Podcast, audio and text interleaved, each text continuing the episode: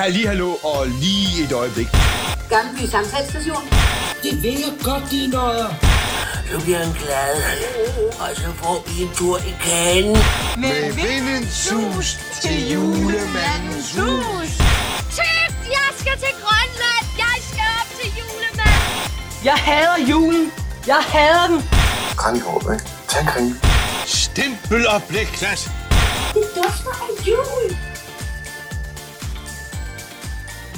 Hej, og velkommen til. Jeg lugter lidt af jul.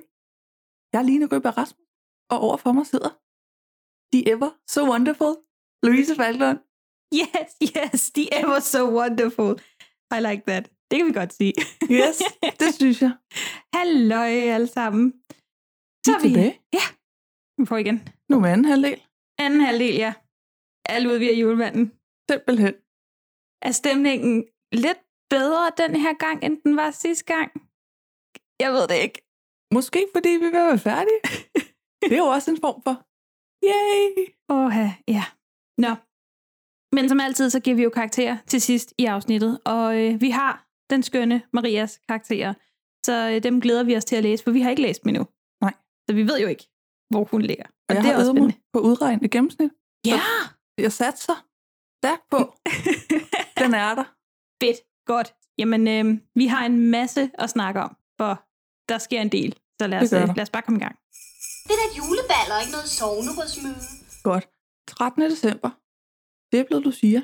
I Hongkong, der stod Julie ind i Niels igen, som fortæller, at han havde sit arbejde, fordi han lige ringede hjem for at fortælle, at han ikke kan nå hjem til Rebekkas Lucia optog. Ja, han sidder i lufthavnen.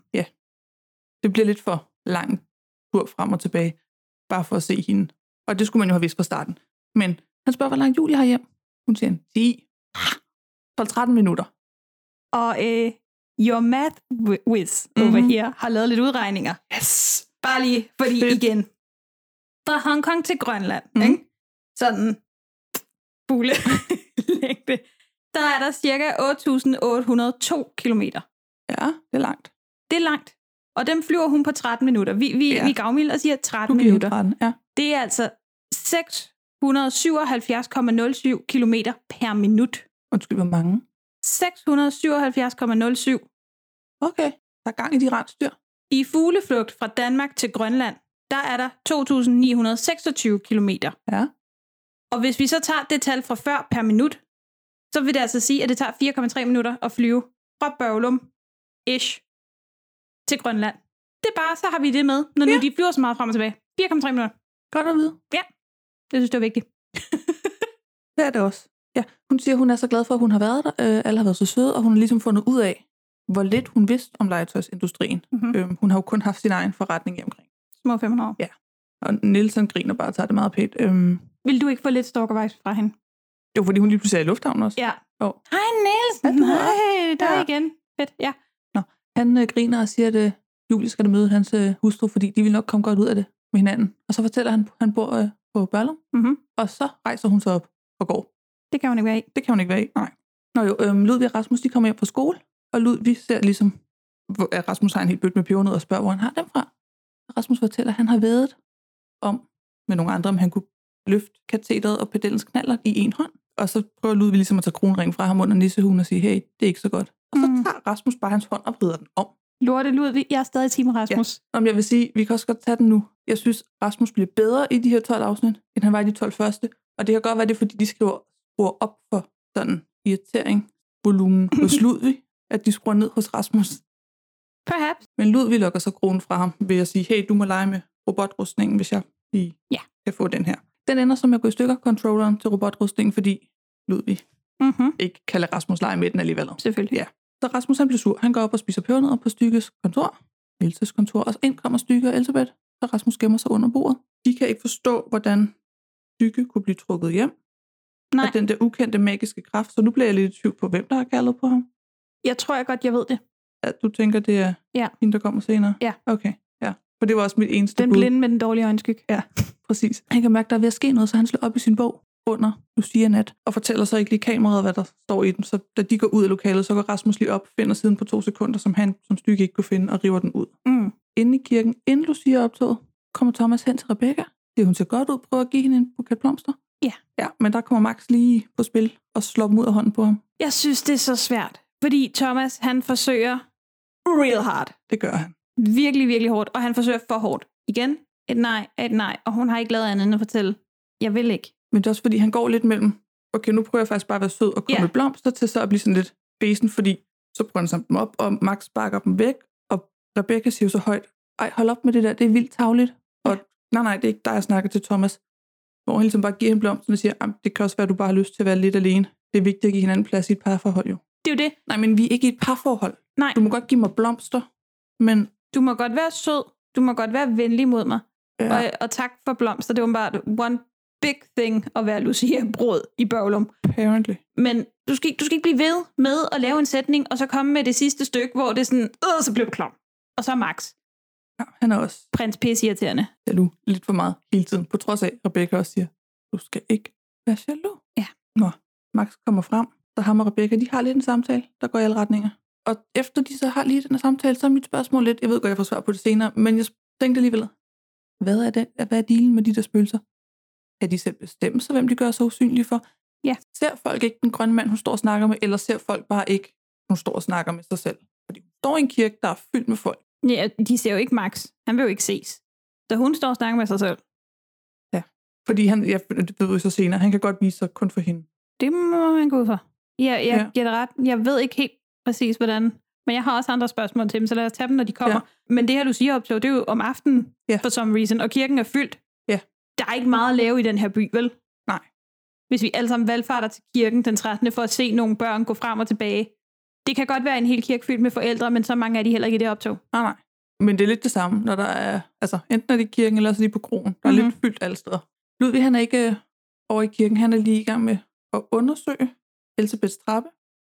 Han fandt i et tidligere afsnit, øhm, og den fører ligesom bare ned til en, en mur, en blind gang, og der finder han, lyser det rundt, og han finder en nøgle. Hvor der står VG Ja. på.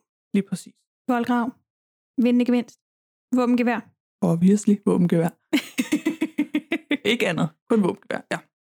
Nå, Lucia er starter. På tilskuerrækkerne står Rasmus og humler med siden for stykkes bog, fordi han skal ikke følge med. Øhm, så Nikolas han læser op.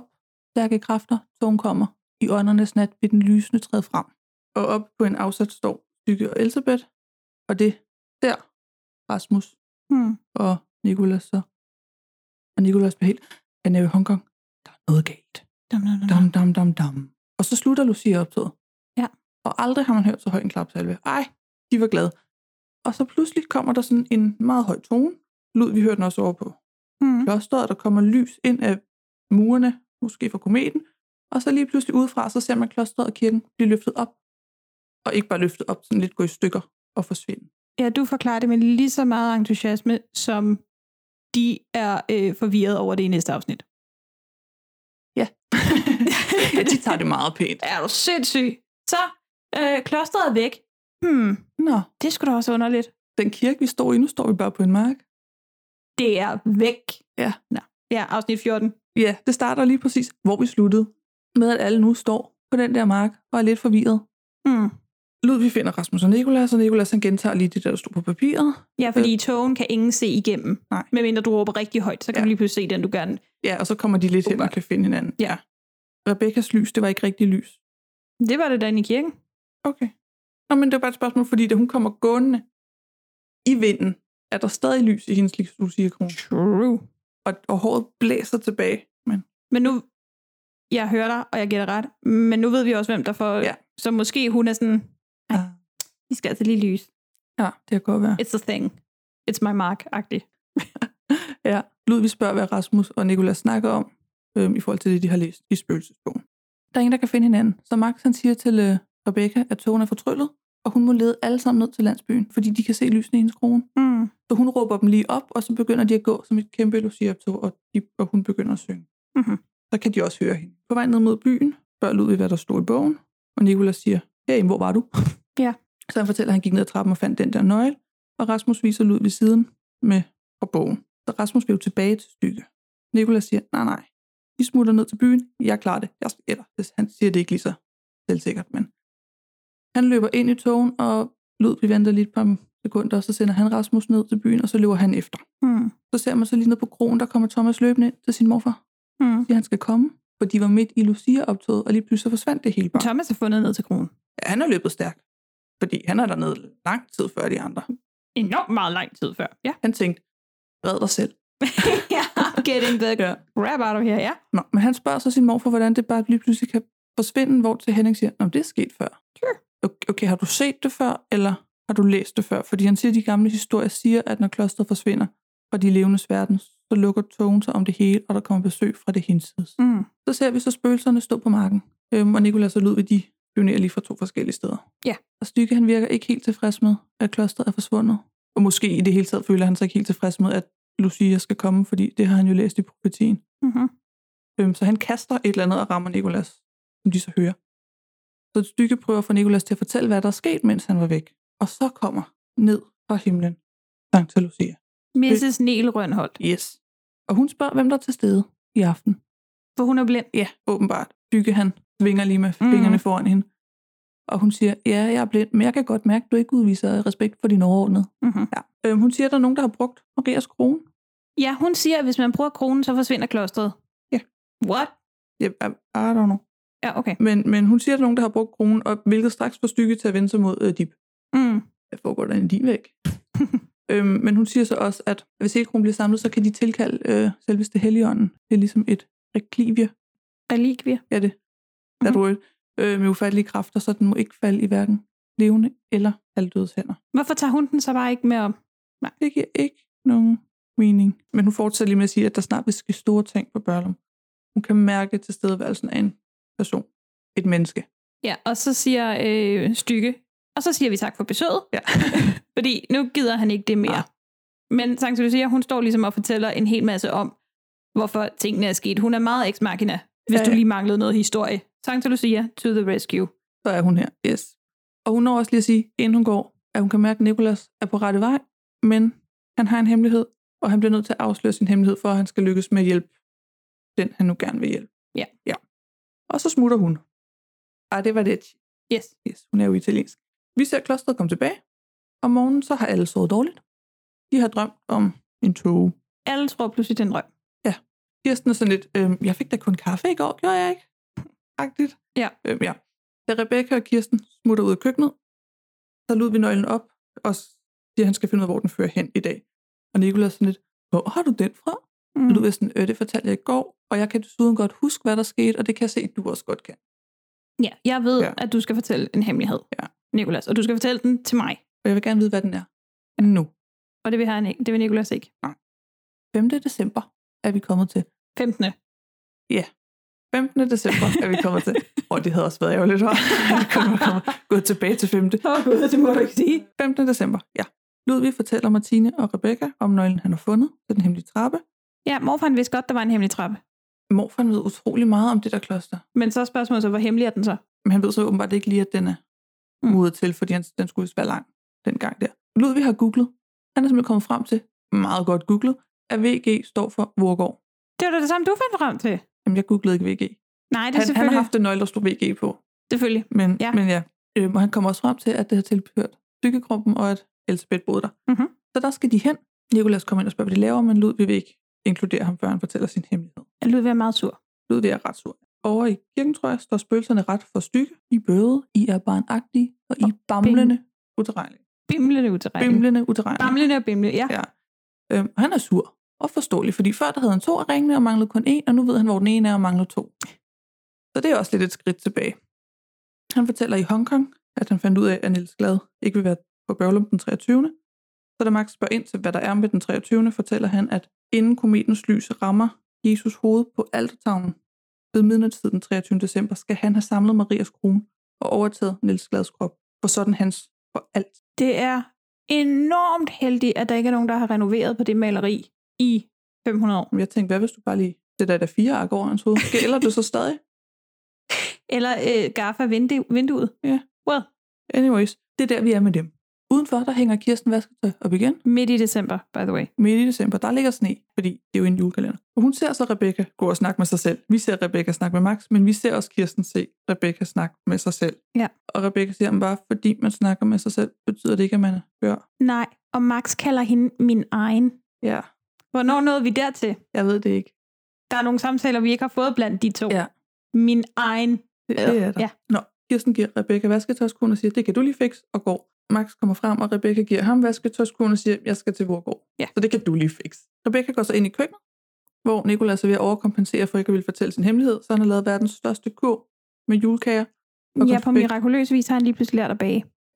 Jeg mener, fordi han ikke kan lave mad eller noget som helst. Martine spørger så Nicolas, om han ikke skal med, fordi hele børnens beskytter er ligesom... Og Ludvig siger, nej, det er ikke en god idé. Og da Nicolas er gået, prøver han at fortælle, hvad der skete den nat, men de griner bare. Det, det er en Mm. sød historie. Så kommer Henning så forbi med vasketøj som er fløjet igen til Kirsten, altså, og fortæller, at der jo også lige er den der julefest den 22. december. Mm-hmm. Så Kirsten hun holder møde med Henning og andre fra byen. Vi kan vel kalde dem et lille festudvalg. Og de kommer frem til, at de skal have et, øh, en spøgelsesfest. På juleværkstedet, der ser vi så lige, at Julie har svært ved at motivere nisserne til at lave gaver eller noget som helst. Så Clark foreslår, at de skal have nogen til at hæppe det hele lidt op. Lille glad. Mm-hmm. Tilbage på klosteret hører Max så stykke sende Elisabeth afsted til Vorgård for at passe på den anden kronring, hvilket får ham til at sætte i løb. Så ligesom Børlums beskytter ankommer dertil, kommer og skal til at finde ud af, hvor hvad for en dør nøglen passer til, kommer Max farne og siger, gem jer. Så han går ind til Elisabeth, så Elisabeth er gået ind på slottet. Gården går han ind, finder hende, hun sidder og straffer et instrument og siger, hey, stykke skal bruge dig, så jeg overtager dit, øh, dit job. Mm-hmm. Og så ser vi så Ludvig sige, okay, vi har et spor. Skatten er under fod. Vi deler os. Jeg tager gårdhaven. Mit spørgsmål her er, er vi ikke enige om, at inden Max kommer løbende, der var deres plan at finde ud af, hvor nøglen passede til? Fordi nu render Ludvig rundt med sin metaldetektor. Martine, hun går lidt med en pind i vand. Øh, Rebecca, hun går bare lidt og prikker på muren. Og Rasmus sidder og tegner, Jo, jeg hører dig. som så tydeligvis, eller tilfældigvis viser sig at Ja. være, Men passede den ikke bare til døren? Nøglen. men de har ikke sat den ind i noget. Max, men- Max kan jo gå igennem døren. De andre var aldrig inde på. Men måske, måske det giver mening, at man tænker, vi har en nøgle, der er en dør, den kunne potentielt passe dertil, men vi skal lede efter noget, der er under fod. Jo, jo. Jeg, siger bare, jeg synes, de skiftede plan ret hurtigt. Jamen, jeg hører dig. Men Rasmus han tegner sig tilfældigvis på Elisabeths gravsten, og endnu mere tilfældigt har Ludvig gemt den kronring, der gør ham stærkt rundt Mm. om halsen eller et eller andet sted, så han kan lige løfte gravstenen. op. Ja. De røver en grav. De er nu gravrøver. Jeg tager ikke afsted uden ris. Afsnit 16. Børnenes beskytter, de finder den anden ring af Marias krone i Elisabeths grav. Der bliver ikke snakket om, at der lugter af død kat der. Men det synes man måske, at der burde. Ja. Så i betragtning, der gjorde det i Dibs væg. Og, og trækker de hele armen med op. River de bare sådan lidt armen og skelettet. Well. Max fortæller, at når et menneske har kronen på, så kan et spøgelse overtage dennes krop, men der er behov for den tredje ring for at kunne blive, og det viser sig jo at være pis og papir. Men fuck it, det er reglen. Tilbage på Børlum, der takker stykke Max for at hjælpe Elisabeth med at vogte de to kronstykker. Det er selvfølgelig efter, at Elisabeth har fortalt ham på tomandshånd, at kronstykket er nu er væk. Han sender derefter Max ud for at danse moderne, for det er jo det, sådan nogen gør. Stykke, han er ved rigtig godt mod, for han ved, at Max er forelsket, og er forelsket, Max gerne vil holde Rebecca i hånden. Så han er sikker på, at han snart får ringene tilbage. Evil. Villain. Laugh. Nils han er kommet hjem fra Hongkong, og det første, han gør, det er at sige hej til Ludvig. Yeah. Ikke hans kone. Nej. Rebecca og Ludvig de prøver at overtale Nils til at tage afsted igen, og det er sorgnet. Kirsten fortæller Nils, at der kommer til at være spøgelsestema til den her fest, men Nils han er mere fokuseret på, at han nok snart bliver fyret, fordi han ikke får alle bamserne ud til tiden.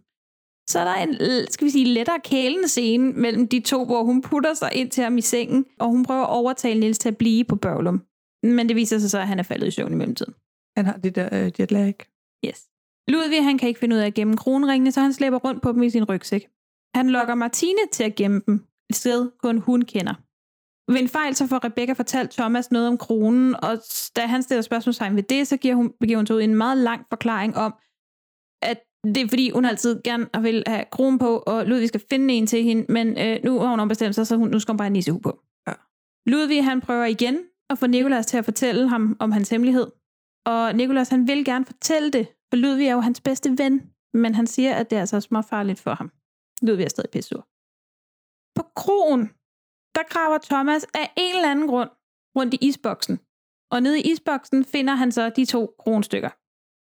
ved godt, det er vinter, men synes du, det er et godt gennemsted, og, altså i den offentlige, jeg ved godt, man skal betale for isen, men i princippet den offentlige isboks, Næh, Martine, det er ikke et godt gennemsted, vel? Mm, næh. Ikke når kroen er besøgt så meget, som den er hver Nej. aften.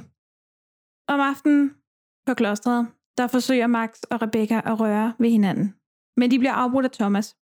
Rebecca, hun siger til Max, at han ikke skal være jaloux. Så Max han gemmer sig eller forsvinder, og Thomas han kommer ind i rummet.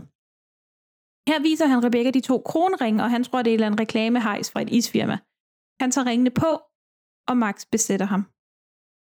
Max han er meget optaget af Thomas' mave og hans hud og hans varme. Og, og så når jeg, Rebecca. Hun tror ikke rigtigt på det, Max, men han laver håndfinden, den der Tarzan ting, de har lavet. Hånd Under. mod hånd. Og så lige pludselig, det er jo dig. Rebecca spørger Max, om han ikke synes, det er underligt, at han har besat Thomas, og Max siger, at men jeg skulle jo ikke være jaloux. Og så spørger han, om han må kysse hende, og "Mm, ja, det lyder sådan cirka sådan her. Og du synes ikke, det er mærkeligt, at det lige er Thomas, du har besat? Men du sagde, jeg ikke skulle være jaloux. Det skal du heller ikke. Du må måske hellere have, at jeg besætter hans morfar. Henning? Mm. Ah, han er nok lidt for gammel. Rebecca. Yndligste Rebecca. Må jeg? Behøver du virkelig spørge om lov? Kysset smider så åbenbart Max ud af kroppen, fordi Thomas er forelsket i Rebecca. Hans følelser de er så stærke, at kronen ikke kan holde ham nede. Så Max går, og da Rebecca hun er ked af det og vender ryggen til, så tager stykket de to kronstykker. Hun var ellers into that kiss. Oh my god. og Thomas, han, han, han, han vågner jo op og er sådan lidt forvirret, men kan på en eller anden måde godt lige huske, de har kysset, men han kan ikke huske, hvordan han er endt derovre, men han kan huske, de har kysset. Han står meget specifikt og siger også ting som, hans følelser er så stærke, at selv ikke kronens kraft kan holde ham ned. Jamen det er det. Jeg skulle synes, man skulle bruge det til noget senere. Det er bare lidt som om, at de mennesker, der er involveret her, ikke rigtig er involveret senere. True, men nu ved vi det. Ja. Ludvig og Martine, de kommer frem til, at hvis de finder ud af, hvad der skete for 500 år siden den 23., så finder de ringen. Nikolas afbryder og spørger, om Ludvig vil høre en hemmelighed. Han fortæller Ludvig, at han er julemanden, men Ludvig tror ikke på det. Nej, og fair nok, du er sådan lidt sur, men spøgelser, der kan overtage din fars krop og kronringe med magiske evner, Kloster, der forsvinder, Santa Lucia. no problemers, men at Nikolas er julemand, jeg kan godt se, det er lige at strække den. Det er Ja. ja. citronen. Jamen, det er urealistisk. Ja, det er det altså. I afsnit 17, det starter med, at øh, i Grønland, der øver Klik og Klak og Julie sig på, hvad de skal sige til Nils for at få ham til Grønland. På Børgelum, der siger Kirsten til Rasmus, at han ikke må vække Nils, fordi han har jetlag, og han skal sove, og selvom han har sovet helt den 16. Han har meget jetlag. Ja, og også selvom Rasmus sidder og laver ingenting, der får ham til at ligne en, der er på vej ind for overhovedet at vække Niels. Ja, men du må ikke vække ham. Det, det var bare lige for at sige, det må du ikke. Børlums beskytter, de leder efter kronen, og Ludvig han vil stadigvæk ikke lade Nikolas være med. Ludvig han spørger dog Rasmus om, hvorfor han bliver ved med at kalde Nikolas for julemanden. Og det siger Rasmus, at det kan man da se, at han er. Han fortæller igen om værkstedet, om klik og om klak. Så Ludvig han YouTuber, julemanden. Og så hører han en professor snakke om legenden, øh, som starter ud fra Sankt Nikolaus. Og igen, her er professoren så en for de nattergale. Så Viggo Sommer, han er den fulde julemand, og Uffe Rørbæk Madsen, han er professoren. Ja.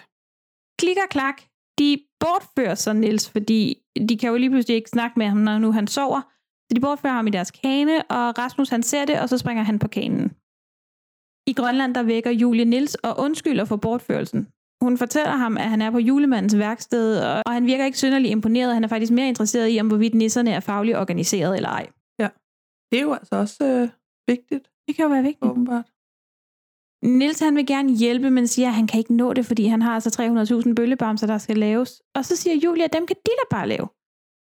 Rasmus han afbryder. Han kommer sådan løbende ud fra kanen og synes, at han har verdens bedste far, fordi han hjælper julemanden. Der er Julie snedig og bruger lidt Rasmus mod Nils og Trollerit Tourette. Nils beslutter sig for at blive. Rasmus han bliver sat tilbage på kanen, og Nils siger, at han lige vil give Kirsten et kald og sige, at han skal arbejde og er væk indtil den 23. Ja, det er bare, okay. Skat, jeg øh. ved godt, jeg lå og sov inde i soveværelset, men øh, nu er jeg her ikke. Og jeg kommer ikke hjem før den 23. Om hun er en meget tålmodig. Husk du, det er sådan lidt, vi, vi får i hvert fald ikke samtalerne at se. Det er sådan lidt, jeg kom lige hjem i går, og så skred jeg uden at sige det. Ja. Og jeg kommer forresten ikke tilbage før til jul. Og farveler, Ja. by the way. Stykke. Han er glad og liderlig. Han har i hvert fald lyst til at give Else et klap bag i. Han er så distraheret af Elsebeth, at Martine hun når at snuppe kronstykkerne. Hun bliver opdaget og flygter. Hun tager kronstykkerne på, og Stykke overtager hendes krop. Ludvig prøver at få Martine til at give ham kronstykkerne, altså stykke, og opdager, at det så er stykke. De kommer op og slås og bliver afbrudt af Kirsten, som tror, de skændes, så hun sender Martine hjem og hiver Ludvig væk. Senere på aftenen, der opsøger Martine så Ludvig. Hun har det rigtig dårligt og kan ikke huske, hvad der er, der er sket. Hun ved ikke, hvor kronen er, og Ludvig ser på optagelser fra robotten, fordi den har han sat til at vogte Nils, at klik og klak bortfører Nils. Han tror, det er Nikolas, der har fået dem til det for at beskytte Nils. Så Ludvig har regnet ud, at hvis Nikolas er julemanden, jamen så er han jo også Nikolaus. Og hvis han er det, så var han også på klosteret for 500 år siden. Ja. Afsnit 18.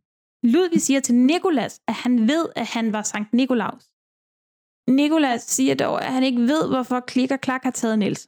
Rasmus fortæller sig, at Nils han er på julemandens værksted, hvor han er julemandens hjælper. Nikolas bliver ked af det, fordi han tror, at Julie har fundet en anden julemand. Og selvom Rasmus prøver at understrege, at Nils altså kun er hjælper, så er det bare som om, at den ikke rigtig går ind. Ja. Han Det er, bliver ked af også, det. det er også synd, at de ikke kan finde ud af det. Ja, det er Om enormt Julie. synd, at manden, der har forladt alt ansvar, nu bliver ked af, at han bliver erstattet, fordi når ja, verden har brug for en men det er julemand. også lidt, tag dog op. Altså, hvad, er- hvorfor er det hende, der skal komme til dig? Hun er kommet til dig én gang, ja. Ja. og så bliver I uvenner igen. På værkstedet, der snakker Clark i telefon og siger, at alt er godt, og Nils er ankommet. Nils han sidder og skyper med sin chef, som siger, at der er altså noget galt med bamserne. De har ikke nogen bazookaer, kun fæsende lyserød veste. Hans chef siger, at Nils skal skaffe 300.000 bazookaer til i morgen. Der er spøgelsesmøde, og Stykke fortæller de andre spøgelser, at han har de to kronstykker. Han vil have de andre spøgelser til at lede efter det sidste stykke. Max han prøver at finde ud af, hvor de to første er, sådan, øh, prøver at lure lidt. Og Stykke lufter så, at han ved, at nogen har hjulpet gladbørnene. Stykke har dog fundet et spor til det sidste stykke. Elisabeth har nemlig fundet en profeti. Julens hjerte viser vej til evighedens krone. Og de mener, at julens hjerte er Nikolas. Ja. Ludvig og de andre de forsøger at få Nikolas til at huske, hvor kronen er. De spørger, hvad det første Nikolas husker er, og, og det er Julie. Det er altid Julie. Samtidig fortæller Julie så Nils om, hvordan hende og Nikolaus mødtes. Fordi ja, hun tror, hun mødte Nikolaus. det er jo det, hun Ja. ja. kalder ham der for Nikolas. Ja, det tror jeg. Mm. Eller et Nixie Gøjs. Lige så kælen, som du sagde det Ja, der. yes. Så vi får et flashback, hvor der bliver fortalt, at efter at Julie og Nikolas, nu kalder vi ham Nikolas, Ja. øh, mødtes i kirken, så snakkede de sammen hele natten, til kaminen den brændte ud. Julie, hun havde bedt Max om at komme med et nyt træ til optænding, men han havde misforstået det, så han kom med et helt græntræ. Jamen, det er så tosset. Nej, fjollet. Julie, hun pynter træet, og Nikolaus vil lave... Nu blev han kaldt Nikolaus igen. Whatever. vil lave risengrød med mandler til alle børnene i byen, men han har kun én mandel. Jamen, what are the odds, man? Så Julie siger, måske man bare skulle lægge den i, og så får de en gave. Den, der finder den. Så siger Max, hun både manden og gaven. Det er da unfair. så det er Julie, hun opfinder mandelgaven. Og så opfinder Julie også julegaver, og Max han synes, det er fedt, men Stykke han synes, det er et rent galehus, fordi Stykke han går også lidt rundt omkring. Ja. Julie og Nikolas Nikolaus mødes så på taget og kigger på fuldmånen. Nikolas Nikolaus prøver at kysse Julie, men han falder så ned igennem skorstenen. Lige ned til der, hvor alle børnene står og skal have gaver. Stykke prøver at få munkene til at gribe Nikolas Nikolaus, men børnene slutter ring om træet og Nikolas Nikolaus for at beskytte ham. Julie og Nikolas Nikolaus stikker af i en kane med stykke lige efter sig. Julie kysser Nikolas Nikolaus, og det får kanen til at lette sig, indtil at de lander i Grønland. Nikolas fortæller, at kronen den har aldrig siddet på hans hoved, for han er ikke den rigtige Sankt Nikolaus. Og Stykke han ender med at fortælle Elisabeth, at han har en spio- spion på julemandens værksted. Gæt hvem? Uh. Oh my God. Det er løgn. Nej, Det er simpelthen løgn. det er det ikke. Men til gengæld så opfandt de julen på to sekunder. Tjutjut. Kun med tilfældighed. Og nu siger du de. Ja. Ja, ja, ja. Ja, ja. Hvis det ikke havde været for hans mand, men ja. men ja. I hear what you're saying. Jeg er prins. Jeg befaler det. Godt. 19. december. Næsten et langt flashback-afsnit. Børlums beskyttere går på stranden, og de spørger Nikolas, hvordan man bliver den falske Sankt Nikolaus. Han fortæller, det, øh, det blev han på grund af Julie. Han havde været væk fra klosteret fire år, men han kunne ikke lade være med at tænke på hende, så han kom tilbage. og spurgte om Bygge, om han måtte overnatte der, og det får han lov til, hvis han kunne længe lidt på sin lut, så han kunne få Sankt Nikolaus, den rigtige Sankt Nikolaus, til at smile, som var på vej dertil. De tager imod ham ude foran, han kommer gående til fods, og Hette og Bygge synes, han er åndssvag, fordi han giver alt, hvad han ejer til de fattige, Ja, Stykke, Elisabeth og Max tager imod ham. og Nikolas står lidt bagved tror jeg, og hygger sig. Sankt Nikolaus kommer og spørger, om alle de mennesker, der har ligesom står og ventet på ham, om de har fået noget at spise. Stykke siger, at de har spist hjemmefra. De er ikke sultne, men spørger alligevel lige dip, uden at være død på det tidspunkt, om hun er sulten, og hun siger, at hun ikke har fået noget at spise i over tre dage, så han skubber hende sådan over i Max. Ja, Max han griber Ja. ja. hende, og så Og- kigger de op på hinanden. Ja. Der er altså fløjt der. Det er der, Sorry, men det er der. det er der. Godt. Yes. Ja. Stykke siger, hey, skal vi ikke lige få dig indenfor? Det, du må være frys. Altså, Nikolaus, når det ikke har mere tøj på.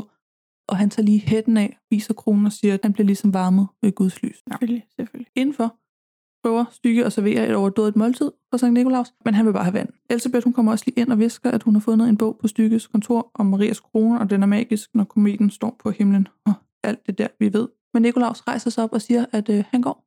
Han skal til Rom i morgen ned mod paven, fordi han er egentlig blevet sendt ud for at finde ud af, om de rygter om Stykke er sande. Dem med, at han er grådig og tyrannisk og Super nederen. Ja, præcis. Og det kan Stykke jo ikke have. Så han får Max til at hente Dip så over i kirken, hvor de nu er rykket over til. Får Max ind med Dip. Nikolas ligger og sover på en bænk. Ja. Så Stykke giver Dip en dukke, men tager den egentlig hurtigt ud af hånden på hende igen. Ja, han er så grådig og ond, at han kan ikke Ja. engang lade de have dukken. Som manden jo ikke selv leger med, fordi... Ja, eller Altså. i de to minutter, som farsen ligesom skulle være. Ja. Ja. Det kan han ikke holde ud. Nej. Så Sankt Nikolaus er sådan lidt, altså, jeg kan, jeg kan jo se, at du er en skændsel. Du kan ikke engang. Altså, du giver hende en dukke, pigen er sulten. Hvad mm. er det Mhm. egentlig, du prøver på? Agtigt. Det her, det kommer paven til at høre om, og du kommer ikke til at være biskop mere. Ja. Og så synes Stykke lige, at de skal- også skal takke Maria. Så de beder igen, og Stykke går om og skubber til en søjle, der falder ned i hovedet på Nikolaus. Ja, mor, lige midt i min og han, julekalender. han griber den selvfølgelig lidt, men så tager Stykke kronen af Mhm. Nikolaus, så han ikke er stærk mere. Og så dør han. Mhm. Max når lige at tjekke, om pulsen er der, inden at hans Nikolaus' krop forsvinder. Så det er børnejulekalenderen, og det er godt. øhm, Men, men Gud tager jo så også Sankt Nikolaus' Ja. ja. krop med sig. Hvilket er fint, fordi så sparer de den kiste. lige præcis. Men det gør det også nemmere, fordi så kan Stykke tage hans håbe og give Nikolas den på, fordi Stykke har jo brug for, at der er nogen, der tager ned til paven og fortæller, at alt er, som det skal være på Børlum Kloster. Mm-hmm. Og så kan øh, Nikolas desuden lige sige til paven, hvis han spørger, at Marias krone blev stjålet på vejen af landevejsrøvere. Ja, og så slutter den scene ligesom med det flashback, vi har set tidligere, Ja. ja. der møder op til nu, at Julie står ude foran og banker på, og Ja. ja. Nikola, øh, Nikolas Nikolaus kalder hende ind. Yes. Tilbage på stranden, der sidder de nu og rister skumfiduser over et bål ved Rødbjerg Knude Fyr, og Nikolas fortæller, at øh, tredje kronring ligesom aldrig blev fundet, men Ludvig mener, at nogen må have set den. Ja. Spørgsmålet er bare, hvem? Og Nikolas spørger så, om de ikke skal se at komme hjem. Ja, fordi kronen gik jo i stykker, Ja, ja. Tykke står med den, og så snubler han og taber den. så den flyver rundt til alle sider, og ja. Ja. de fandt kun to af kronstykker. Ja. Men det var her, jeg tænkte, det var et godt tidspunkt at spørge, om de skulle gå hjem på, fordi det tog mig for det første lang tid at finde ud af, hvad for et fyr de sad ved. Ja. Og så prøvede jeg lige at lave en Google Maps, og hvis de er gået, så tog det også to timer og 28 minutter. Hold da. op. Så det er noget af en udflugt, de har Det været er også en på. lang historie. Ja. Og når nu man har en julekalender, der tydeligvis er sponsoreret af Visit Nordjylland, Det er jo det. Ja. ja. så skal man jo lidt rundt omkring. Det var nok på tide, jeg skulle til at gå hjem på i hvert fald. Men det er ret fint, at det her afsnit ender med at lyde, hvis jeg undskyld. Ja. Det, Det gør han. Det er på tide. Mm. Ja. Og han ejer, at han har været en nar. Ja, det gør han, da Så det de er kommer fint. hjem. Nikolas siger stadig, at han ikke ved noget om den krone, men Ludvig undskylder. Ja. 20. december. Børlums beskytter, de mødes i spisstuen. Øh, Martine kommer ind og siger, Hej tøser. Vi har altså at gøre med en pige, der siger, hej tøser, for at være nedsættende til andre. Ja, Hvor er det smukt skrevet. Det er godt, Det det, det er, er- fint. Det er slet ikke provokerende det overhovedet. er rigtig dejligt. Nemlig. Det er den 20. december. Og Ludvig tror, der er flere hemmeligheder, end hvad Nikolas fortalte i går. Martine siger, det er sindssygt at spøge sig hemmeligheder. Og Max kommer og siger, hey, kan jeg hjælpe? Fordi han er der jo altid. De vil gerne vide, hvordan følelserne døde, da det måske er en ledetråd til den tredje ring. Øh, og Max siger, at Dykke er overbevist om, at Nicolas ved, hvor den er. Han siger, det ved jeg ikke. Martine synes, de skal bruge Nils som lokkemad, i forhold til at tage ringene, når Stykke på at besætte kroppen. Mm. Max synes, de skal ødelægge dem, så Stykke ikke kan bruge dem. Og Ludvig siger, hey, måske er det egentlig dumt, at Nils ikke er her, når han nu er den udvalgte, og den udvalgte skal overvinde. Der er, ja. Ja, psyke. På julemandens værksted er Niels ved at lave bølvamser, nu med bazookaer, går jeg ud fra. Mm-hmm. Øh, og hans chef ringer, han fortæller, at han har styr på det hele, og hvis der ikke ligger bølgebamser under hver eneste juletræ juleaften, så kan han bare blive fyret. Ja, for det der er med de her bamser, det er fuldstændig ligegyldigt, og det er bare Mhm. mm-hmm. virkelig dumt. Det er jo, at de bliver leveret den 24. Og men helt ærligt, Vil du, vil du stole på det? nej, og hvem skal levere dem? Fordi på snor leverer sgu da ikke den 24. På Nej. snor leverer aldrig. Det er ligesom sagaen om mit forfærdelige juletræ i 2019. Ja. Ja. Jeg skal spare jer fra historien, men den var... Det, er jo faktisk, det sidder stadigvæk lidt i kroppen på mig. Det er bare... Ja, det er altså ikke, øh, det er ikke godt. Mm-mm. I skolen, der fanger Thomas øh, Rebecca for at sige tak for sidst. Hun er super irriteret og siger, prøv lige at lade være med det der, du gør med øjenbrynene hele tiden. Ja, men det er jo, fordi, han er mega player med sine papirkugler, Øh, han sidder og kaster på ja. ja. hende. Ja. Øhm, og han siger, hvad? Sidste gang virkede det da meget godt. Den med, du kysser mig. Og Hun siger nej, og hun ender med at sige, jo, fint, det gjorde jeg, men jeg vil med en anden. Ja. Og så går hun. Det er sådan, undskyld, Rebecca. Skal han have dårlig samvittighed over, at du kyssede ham, da din spøgelseskæreste besatte hans krop? Mm. Den er ikke kun kvart i, den er fandme helt og komplet Wonder Woman 2. Spoiler alert. Du kan ikke bare være sammen med nogen, fordi din spøgelseskæreste har overtaget deres krop. Det er Nej. overgreb, og det er forkert. Øh, Ja. Fuldstændig. Hvis ikke det var fordi, at jeg ikke forstår, hvorfor det er, Thomas han er så forelsket, så ville jeg synes, det er synd for ham. Jeg synes stadig, det er synd for ham, men, men Men- but you get men- what I mean. Ja, jeg for- jeg er lige der med dig. Mhm. Ja. Så mødet kommer Rebecca ind, fordi nu er hun så med. De snakker lige om, de skal jo. De vil gerne finde ud af, hvad der skete den aften, om der er nogen, der, hvem der har set kronringene. Så Rasmus og Ludvig prøver at snakke med Dip, og Rebecca skal prøve at snakke med Max. Så Rebecca og Max, de går ud og ligger sig på græsset, kigger på himlen, og Rebecca spørger, hey, jeg ved godt, det er svært, men hvordan døde du? Mm. Og han fortæller, at det er ikke nogen hemmelighed, det er 500 år siden, det er mere, hvorfor kongen mænd stod pludselig foran døren, og ville have der kommer nogle små flashbacks her indimellem, men de kommer og ville have kronen, fordi kongen havde brug for penge til krig. Så Stykke sender Max ene mand ud mod kongens mænd, men inden han nåede særlig langt, så bliver han skudt i ryggen. Dam, dam, dam, dam. I ryggen. Og det var ryggen. Og Rebecca siger, det er skudt bagfra. Det er Stykke. Ja, han ville af med dig. Og det er jo ikke løgn. Det var også lidt det, man ser i flashbacket. Rasmus og Ludvig, de finder sig dip i væggen, men hun siger, at de kan ikke snakke her, så de mødes på toilettet, fordi For der kommer spøgelser ikke. Lige præcis. De skal jo ikke på toilettet. Nej. Nemlig, så hvorfor skulle de lede efter hende der? Hun fortæller, at det små 500 år siden biskoppen kom ind i det lille rum og sagde, at de skulle lege en leg. Hun skulle prøve at gætte, hvordan hun kom ud Hmm. derfra. Så han møder hende inden. Og hun overlevede så cirka et år, fordi Elisabeth gav hende med. Hun, hun hørte Dip skrige eller råbe. Og i stedet for at finde ud af at bryde væggen ned, går jeg ud fra, så valgte hun bare at give vand og mad gennem det der hul. Det er virkelig trist. Om fuldstændig. Lige Og- indtil en dag, hvor hun så ikke kom mere. Og i virkeligheden ret godt spillet. Altså, det, det er vildt ubehageligt. Ja. Jamen, virkelig.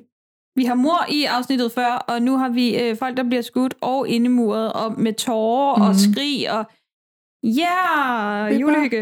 Hvor fedt. ja, da Elisabeth sig selv blev spøgelse, fortalte hun, at det stoppede, fordi Dykke en aften inviterede hende på romantisk middag med det hele, og hun drikker egentlig ikke vin, men Dykke synes ligesom, de skulle skåle. Og det næste, hun kan huske, det er, at hun var et spøgelse over i kirken. Og der ser vi ligesom i flashbacket, at Dykke putter noget i hendes glas. Det var gift. Han forgiftede hende. Ja. Yeah. He did do that. Hans kæreste, Ja. elskerinde, whatever, no mercy. Og i kirken, der snakker Clark med Stykke. Han vil have, at Nils Glad skal tilbage til Børlum nu i aften, og han er ligeglad med, om Julie bliver sur på Grønland, i Grønland.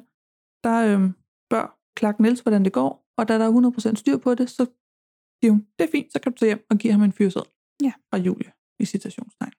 Ja, på Ludvigs værelse fortæller Ludvig Martine, at Stykke har stået de andre spøgelser ihjel, og to sekunder efter kommer Niels ind og er kommet hjem. Hvad laver I her? Ja, hvad laver jeg her? Hvorfor blev Mm. du så stille? Nå, nå, nå, nå. Nå, han, øh, han forlader dem, og Martine spørger, om Ludvig er klar til at fortælle Niels det hele. Inden vi lige går til næste afsnit, mm. så kommer mit spørgsmål om spøgelserne her. Max han dør i sin rustning. Ja. Men øh, som spøgelse render han rundt i sit øh, civiltøj. Ja. Eller Ja. hvad vi skal kalde det. Dip, hun dør som fattig indmuret pige med mudder i ansigtet og ondt alles. Som spøgelse er hun i adeligt tøj. Ja, det er rigtigt. Så, what gives? Og Stykke, han tager på et tidspunkt sin hat af. Kan du være et nøgen spøgelse? Og hvorfor er du så ikke bare et nøgen spøgelse? Hvorfor skifter dit tøj fra da du døde? Ja. Burde Max ikke også rende rundt med en pil? I ryggen? Altså, vi er jo. Jo. ude i nearly headless. Jo, jo. Det er nearly headless, men fordi at han fik kappet hovedet halvt af. Jeg, jeg, hører, jeg hører, hvad du siger. Jo, det, han burde rende rundt i sin rustning med en pil i ryggen. Godt. Og hun burde have sit hår nede og sit fattig pigetøj på. Mhm. Ja, okay. Ja, det har jeg ikke lige overvejet. Just saying. Good thing. Godt. Afsnit 21. Nils har været over at se Ludvig skole, og på vej tilbage, så prøver Ludvig ligesom at snakke med Nils. Men chefen ringer og forstyrrer og siger, at Nils er fyret. Ja, og så bliver Niels bange for at sige det til Kirsten. Ja, han ser hende og løber den anden vej. Jeg ved godt, at jeg er lidt på en rant i det her afsnit, mm. men er der nogle sympatiske kvindefigurer i den her julekalender, andet end Dip, som så bliver kaldt for et lille barn? Mm. Fordi, hear me out, okay? Mm. Vi har Kirsten. Hun er en mor, som reelt ikke rigtig tager sig af sine børn. Ja. Og hun arrangerer ting, i citationstegn. Og Nils han er bange for at fortælle hende, at hun er blevet fyret. Så vi skal også have på en eller anden... Vi skal tænke, at hun er sådan en, der eksploderer og bliver vred, og hun har kun fokus på sit keramik. Så har vi Julie, som er en kvinde, der er fokuseret og går op i sit arbejde og stresser over det. Og fordi hun gør det, så bliver hun gjort til skurken, fordi nu bliver Nikolas ked af det.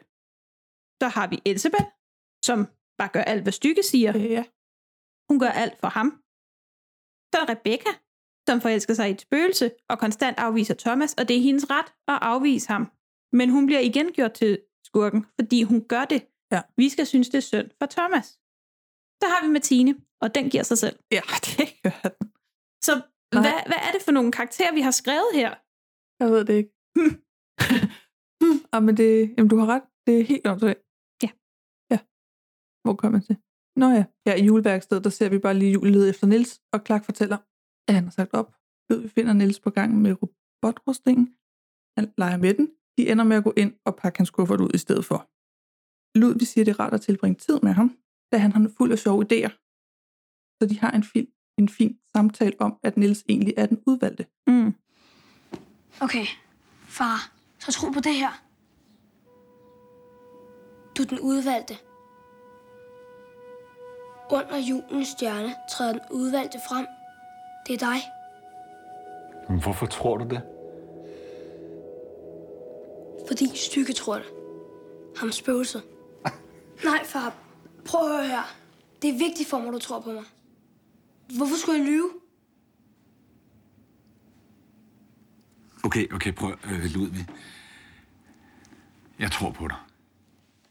Nils spørger Ludvig, om han vil sætte toilettasken ud på badeværelset, og mens han gør det, så fortæller han en masse om, at Stykke vil vende tilbage til livet igen, og han skal bruge Marias krone til at overtage Nils' krop, og det var derfor, at Ludvig ikke ville have, at Nils kom hjem før den 23.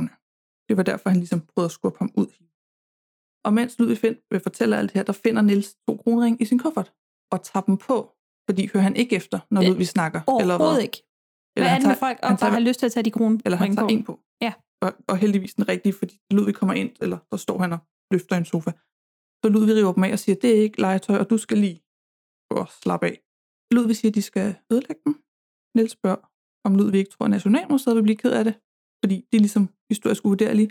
Niels han vil bare gemme dem, så de ligesom ikke bliver fundet før efter den 25. og binder dem så fast om maven Mm. under sin trøje. Inde i et andet rum, der pynter Rebecca op til spøgelsesfesten, da Max kommer ind. Rebecca spørger, om han vil hjælpe. Ligesom Thomas så kommer ind, så Thomas tror, at det er ham, hun snakker til. Men Thomas kom egentlig bare for at sige undskyld, eller for i hvert fald at sige, at han forstod, hvad hun sagde. Ja, med indgangsreplikken har jeg prinsesse. Ja, så det er lidt en halv undskyldning, men han kom egentlig for at sige, hey, jeg vil også bare gerne være venner, ja. agtigt, hvis vi kan være det. Og så tilbyder han at hjælpe hende med at pynte op, og det ser Max. Kirsten har travlt med sin festplanlægning. Da Niels kommer ind, hun siger, at han har glemt at fortælle, hvorfor han lige kommer tre dage for tidligt hjem. Han siger, at det var bare fordi, der ikke var så meget at lave. Mm. Han er kommet for at bortføre hende. Hendes telefon ringer. Han afviser opkald, lukker computeren ned og siger, jeg har lidt brug for, jeg har lidt brug for, at vi gør det her mig så meget derhjemme. Hun siger, det kan jeg ikke. Jeg har en fest. Jeg har sådan set noget, jeg skal lære. Ja, altså det, du kan ikke bare lige komme valsende, agtigt, mm. og Mm. så sige, det gør vi. Ind kommer Nikolas svarende og siger, det er fint. I tager bare på romantisk tur til Sæby. Jeg har organiseret lyskilder i over 500 forskellige byer, så de smutter.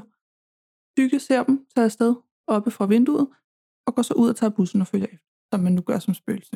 Kirken, Sæby, hvor Kirsten og Niels blev gift, fortæller han Kirsten, at han blev fyret.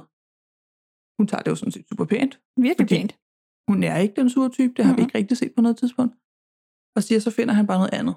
Men det ved han ikke, om han vil. I hvert fald ikke noget, hvor han skal være væk fra sin familie så lang Det er tid. en super sød scene mellem de Ja, to. det er det altså. Den scene er der så en mand, der kommer, vælger at ødelægge, og kommer ind i kirken og siger, hey, vi lukker. Så Kirsten går hen og snakker med ham og begynder at fortælle om deres bryllup, og mens de som går ud, så gemmer Niels sig, så han, efter de er ude, kan gemme kronringene inde i den kirke.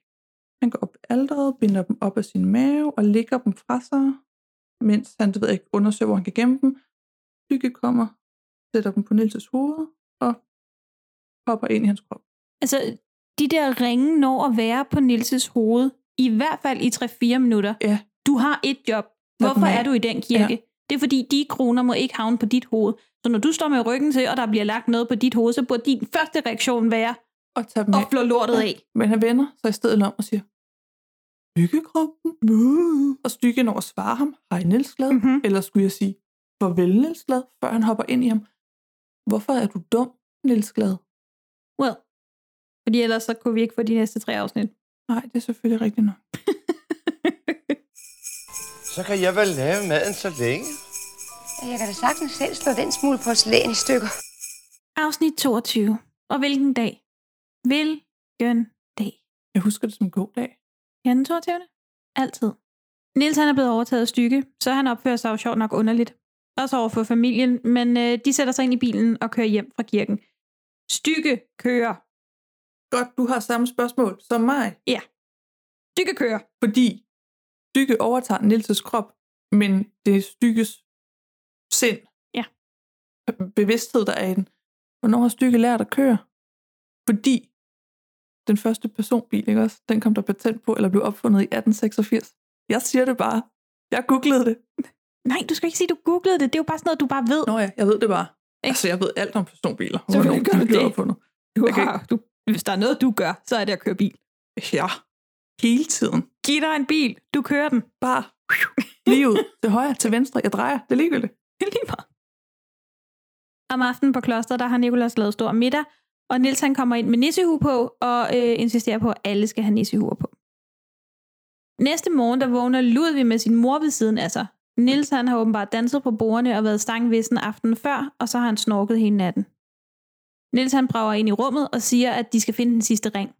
Ludvig han forstår ikke helt, hvorfor de skal det, når nu de har gemt de to første. Og Nils presser ham for at fortælle, hvad det er, han ved. Ludvig siger, at Nikolas den ved ikke noget, og andet end, at det, den skal være i kirken et sted. Jeg synes forresten, at øh, Alexandra spiller stykke. Vildt godt. Utrolig godt. Vildt godt. Altså som i virkelig godt. Altså, man kan godt se, når man ser den, som vi ser den, at øh, Andreas Bo har lagt nogle tics ind, Mm. mm. som at han løfter sin læbe og sit øjenbryn på en mærkelig måde, og sådan, som Alexandra efterligner. Ja. Og det fungerer skide godt. Jamen, det gør det. Men han er en god skurk for dem, der ikke har set overkanten. Ja, det. De er gået glip af noget, det er de altså. det var det. Det gør et masterpiece wow. af en film. Så er det sagt. Vi har ikke snakket meget om det her, men øh, tidligt der fik øh, Rasmus en invitation til julemandens fest. Og han står med den og spørger Nikolas, hvilken fest han skal tage til. Nikolas siger, at der bliver ikke nogen fest, for det var en dum idé. Det burde i virkeligheden være en fælles fest for ham og Julie. I det, der træder Julie ind og siger, at hun er der for at snakke med Nils, som så også kommer gående ind i rummet med det samme. Men Stykke, han ved jo ikke, hvem Julie er. Men Julie, han spørger, om Nils ikke kommer, kan komme op og hjælpe. Mor Kirsten, hun er også i rummet, og hun siger nej, fordi Nils han er fjerd- færdig med det øh, legetøjspjat. Stykke, han bliver overbevist om, at den sidste del af kronen, den må være på julemandens værksted, så han tager afsted, og Kirsten, hun bliver sur og jaloux. Der skal jo være fest om aftenen på slottet, og inden da, der har Rebecca og Max en samtale om, at de skal mødes efter festen. Den samtale, den er så ladet, og jeg ved ikke, hvad det er med. For vi er enige om, de kan stadig ikke røre hinanden, vel? Jo, det er vi enige om. Det kan de ikke. Hvis der havde været to mennesker, der kunne røre ved hinanden, så ved jeg godt, hvad det var, ja, de skulle. Men den, hele den samtale er også sådan lidt, men så sidder jeg bare og venter her. Okay, du kunne også gå med ned til festen, og så kunne han lige sige, hey, nu er jeg klar til at gå. Skulle Ja. vi smutte? Skulle vi gøre noget? Altså, Meget, meget underlig samtale. Til festen, der giver MC Nixigøjten som, øh, som sanger. MC Nixigøjten? og der bliver kastet med håndtegn. Eller der ja. bliver forsøgt at blive kastet med håndtegn. Den stive julemand fra tidligere, han er nu klædt ud som et påskelam. Og Max han laver spøgelsesløjer til festen. Rebecca hun sidder så rigtig nok på sit værelse, hvor Thomas opsøger hende. Og hun siger, at hun gerne vil være venner. Han bliver lidt skuffet, men spørger så, om hun ikke vil med op til festen. Han tager det egentlig fint. Ja, det synes jeg. Han tager det pænt. Ja. På trods af, at det er 10. gang, hun skal sige det. Ja, ja, men ikke det men- mere. Han tager det pænt. Lo and behold, der er stalker i rummet. For Max og Dip, de ser dem, tager dig op.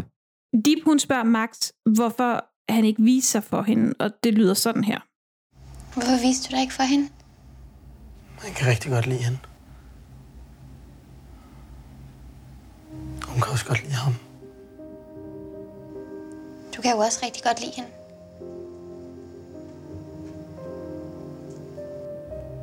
Jeg vil give hende alt godt på jorden.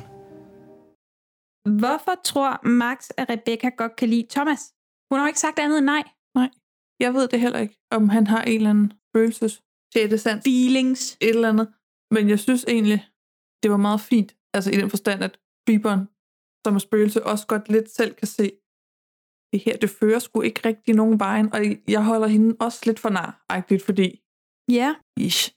men samtidig, hun har ikke lavet andet end at sige nej.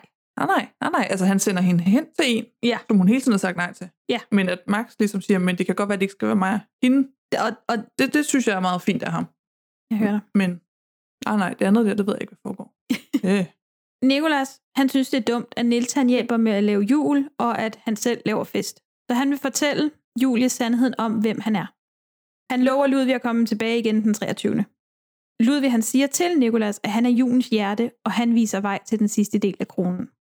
Ludvig regner ud, at fordi Nils han snakkede om profetien omkring jul og kronen, så må det være stykke, der er i Nils' krop. Han er sådan, det her, det burde min far ikke vide. Ja, sagde han. Det var noget, med, han sagde hele profetien. Ja, Og Ludvig kendte ikke engang selv hele profetien, eller der var et eller andet. Der var noget, Ja. ja. som var sådan, det her det er ikke min far. På trods ja. af, at min far altid har været den her meget, meget søde, dejlige mand, og nu har opført sig fuldstændig sindssygt de sidste 24 timer. Så det første, når han siger, Ja. det her, jeg tænker, det er sgu da ikke min far. Det er sgu da nok ikke min far. Stykke, han leder i værkstedet, og Nikolas, han er taget derop, og han har pyntet soveværelset og vil fejre, at det er 500 år siden, at han og Julie, de mødte hinanden. Julie, hun bliver meget glad for at se ham, og Nikolas fortæller Julie, at han ikke er Sankt Nikolaus. At den rigtige Sankt Nikolaus er død, og han er altså bare den bøvede lutspiller. De bliver afbrudt af Stykke, som er ved at splitte hele værkstedet fra hinanden. Stykke afslører, at han er i Nilses krop, og så trækker han afsted med Nikolas. Julie siger til Klik og Klak, at de må skynde sig afsted til Børglum, for Julie ved, hvor den sidste krondel er. Men Clark lukker Julie og Klik inde, så de ikke kan tage afsted. Ja. Lort det Clark. Ah, men jeg er så træt af Clark. Jeg ved godt, det er historie. Mig, hun er irriterende. Afsnit 13. Nej. Nej. 23. det er sådan et... Og et skridt frem og fem skridt tilbage. Ah. Afsnit 23. Stykke og Nikolas, de ankommer til Børglum, og Elisabeth, han er... Han, hun er helt hot for, hvor levende og viril biskoppen pludselig er. Max, han prøver at tage ansvaret for Nikolas, men Stykke siger, at han ved godt, hvad Max han har gjort. Så efter midnat, der vil klosteret være Stykkes, og så vil han straffe Max med pinsler, der er værre, end han kan forestille sig. Ja. ja. Stykke låser Nikolas inde i et rum i tårnet i, i kirken. Øh, men han bemærker dog lige, at Nikolas hus stinker, og spørger, om han aldrig har vasket den. Nikolas fortæller, at han har ikke taget den af i 500 år. Nej, hvorfor må den ikke? Og mm. hvorfor er det så svært at lægge to og to Fordi sammen? det er prima uld fra Skive. Mm. Ja. Du ikke forstår. Men hvorfor er det så svært at lægge to og to sammen? Jeg spørger bare. Bøvlums beskytter prøver at overfalde Stykke, men han ryster dem af sig. Og Kirsten er vred på ham, hun tror stadig, det er Nils. Og, men Stykke afbryder hende ved at sige, at familien skal forlade klostret. Han går og låser dem inde i riddersalen. Bøvlums beskytter fortæller, at et spøgelse har overtaget Nils, men Kirsten tror ikke rigtig på dem, indtil at hun så lige pludselig ser Max. Mm. Men hun tager det jo også meget pænt. Altså, i hvert fald til at starte med. Hun bliver sådan lige på et tidspunkt, men ah. sådan lidt. Øh, vi siger, der er et spøgelse i bars krop, og nu kommer der en grøn mand gennem døren, der er lukket. Alle har det rimelig cool med de her Ja, det spøgelser. har de altså. Ludvig siger, at Max er Rebekkas kæreste, og der er ikke nogen, der siger ham imod. Så kommer Nej. Dip også ind, og hun fortæller, at hun ved, hvad Stykkes plan er. Og hun vil gerne beskytte Rasmus, så derfor vil hun hjælpe dem. Og Max, han, han holder om Dip. Og så har vi sådan et klip af Rebecca, der ser meget vemodigt på dem. Ja. Hun får lige Max for sig selv, To sekunder efter, hvor spøgelserne har hjulpet familien med at komme ud, for de kan jo sjovt nok gå igennem døre og bevæge døde ting. Så spørger hun Max om, hvor han var efter festen, for hun ventede jo på ham. Han siger, at han så hende med Thomas. Og så siger hun, men jeg elsker jo dig. Ja, og elsker. Sure. Men jo, der er også så mange ting, fordi hvor blev du af efter festen? Har jeg aftalt et tidspunkt, fordi Thomas spørger, om du er med ned til festen, så festen er stadig i gang, da Thomas tager dig ud af lokalet, så på det tidspunkt skulle Max vel ikke være tilbage. Altså, Nej, okay. i virkeligheden så burde hun jo bare have spurgt, dansede jeg godt i aften? Ja. Var min kjole smart? Lå jeg lidt for meget? Så. Var jeg lidt for sart? Ja. Nå, nej. Spøgelserne lukker som sagt familien ud, og nu skal de finde Nikolas, for han har jo været levende i 500 år. Ja. De løber over mod kirken, men Klak vil ikke lukke dem ind. Hun er der også. Rasmus spørger hende, hvorfor hun er så ond, og hun synes ikke, at hun er ond. Hun synes heller ikke, at Stykke er ond, for han har jo lovet hende, at hun kan komme op og flyve. Der minder Rasmus hende så om, at hun kan jo godt flyve alligevel. Hun flyver i kanen hele tiden. Ja. Nå ja, siger hun. Og så giver hun den døren til, øh, nøglen til bagindgangen. Ja, fordi så, var, så, så vendte hun igen på Ja. en tallerken. Klak, have en ryggrad, et eller andet. Altså. I Grønland, der fortæller Julie Klik, at hun fandt den sidste kronedel. Og så bruger de bøllebamserne til at skyde sig ud. Ja, okay. Så de våben, ja, så forstår jeg godt, Julie har et problem med bamser med våben. For jeg har det sådan lidt, kommer de der bamser ud til folk med våben, der virker? Det er bazookaer, der kan skyde Altså, jeg døre ved godt, det er op. små bazookaer, for de passer jo til bamsestørrelsen, men der skulle kun fire bazookaer til at få dem ud af den dør. True. Det er vanvittigt. Det er fuldstændig sindssygt. Det er med dumt. Ludvig, Martine, Rebecca, Dip og Max, de finder Nikolas og slipper ham fri. Ludvig beder Nikolas om at give ham hans hue, og i huen gemmer den sidste del af kronen sig. Fordi at Julie var den første til at røre kronen, efter den gik i stykker, så fik hun evigt liv, og eftersom at Nikolas har gået med den i 500 år, så har han fået evigt liv, fordi han har kontinuerligt haft den på. De bliver afbrudt af Stykke, som vil have kronen. Ludvig tror med at ødelægge den med et svær, men Stykke siger, at hvis han ikke får kronen, så kaster han sig ud fra tårnet, så Nilses krop vil gå i stykker. For Stykke kan jo bare hoppe ind i en krop, eller ind i en anden krop. Så Ludvig giver ham kronen. Men det kan Stykke jo ikke. Han skal jo være i den udvalgte. Nej, det var bare hans plan. Øh, Hans plan var bare at bruge den udvalgte krop. Jeg tror, han kan bruge hvem som helst. nå. Hans plan var bare lidt at over... Altså, den udvalgte kunne ikke overvinde ham, hvis han var i den udvalgte krop. Nå. Ah. Så det var bare stykkes plan at bruge Niels. Okay. Men hvis Ludvig havde sid- lavet en krone sidde i Nikolas hue, Mm. så havde vi ikke haft næste problem. Fordi så havde Stykke ikke vidst, hvor den var. Det var han jo True. ikke kommet frem til. Nej. Jeg synes, det kan godt være det er forklaring. Jeg afviser den ikke, for jeg har ikke en bedre. Jeg synes bare, Ludvig er lidt for selvsikker, når han siger, og Julie fik evigt liv, fordi hun var den første, der ramte den efter, den gik i stykker. Hvad, hvad, What? fa- hvor, hvad baserer du det på? Og nederen. Ja, det var et uheld. Jeg vil ikke leve for evigt. Bare ærgerligt, det gør du nu. Du samlede den op. Og, Helt og, ærligt. og hvem har lavet den regel? Når noget går i stykker, når kronen går i stykker, burde den første, der rørte den... Øh, øh, Så ikke blive stærk og, præcis. og have en krop, som alle spøgelser bare kunne overtage. For Så ved jeg fun godt, en hvad gang jeg vil imellem. vælge. Ja. Men det er jo det. Amen. What the actual? Og så skal du ikke prøve at sige til en mand, der har slået fire andre ihjel i koldt blod, at han bluffer med din fars krop. Nej. Det æder med et, et, en chance, du tager. Men hey, ellers er det mere godt afsnit, altså. Det sker bare så meget. Afsnit 24. It's all coming to an end. Mm-hmm. Hele switcheroo-fidusen virker jo først, når kometens lys rammer Jesus ansigt. Så der er lidt tid at løbe på. Kirsten, hun prøver på at få stykke til at forlade Nilses krop, men Ludvig stopper hende. De kan ikke kæmpe imod ham, for han har 10 mands styrke. Nikolas og Ludvig sender derfor rustningen ind for at kæmpe mod stykke. Ludvig er ikke super skarp til at styre den, som Max, der jo har mange års erfaring med fjernstyrede ting. Ja, ligesom stykke kører bil. Præcis Ja. tager over og acer en fægtekamp mod Grumpen.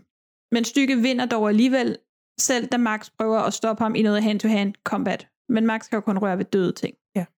De ender op i tårnet, og da Ludvig forsøger at stoppe Stykke, tror Stykke med at smide Ludvig ud fra balkongen. Ludvig han snakker til Nils og forsøger at få ham til at stoppe Stykke. Far, jeg ved, du kan røre mig. Din far? Din far er da fuldstændig ligeglad.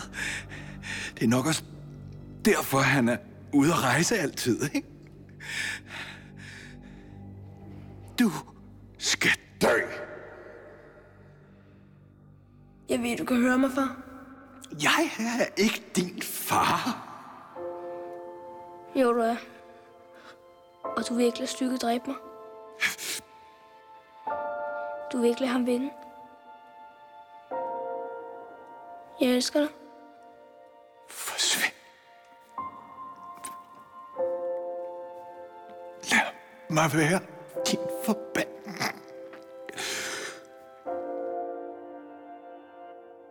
Det er mig, der bestemmer. Jeg er biskop.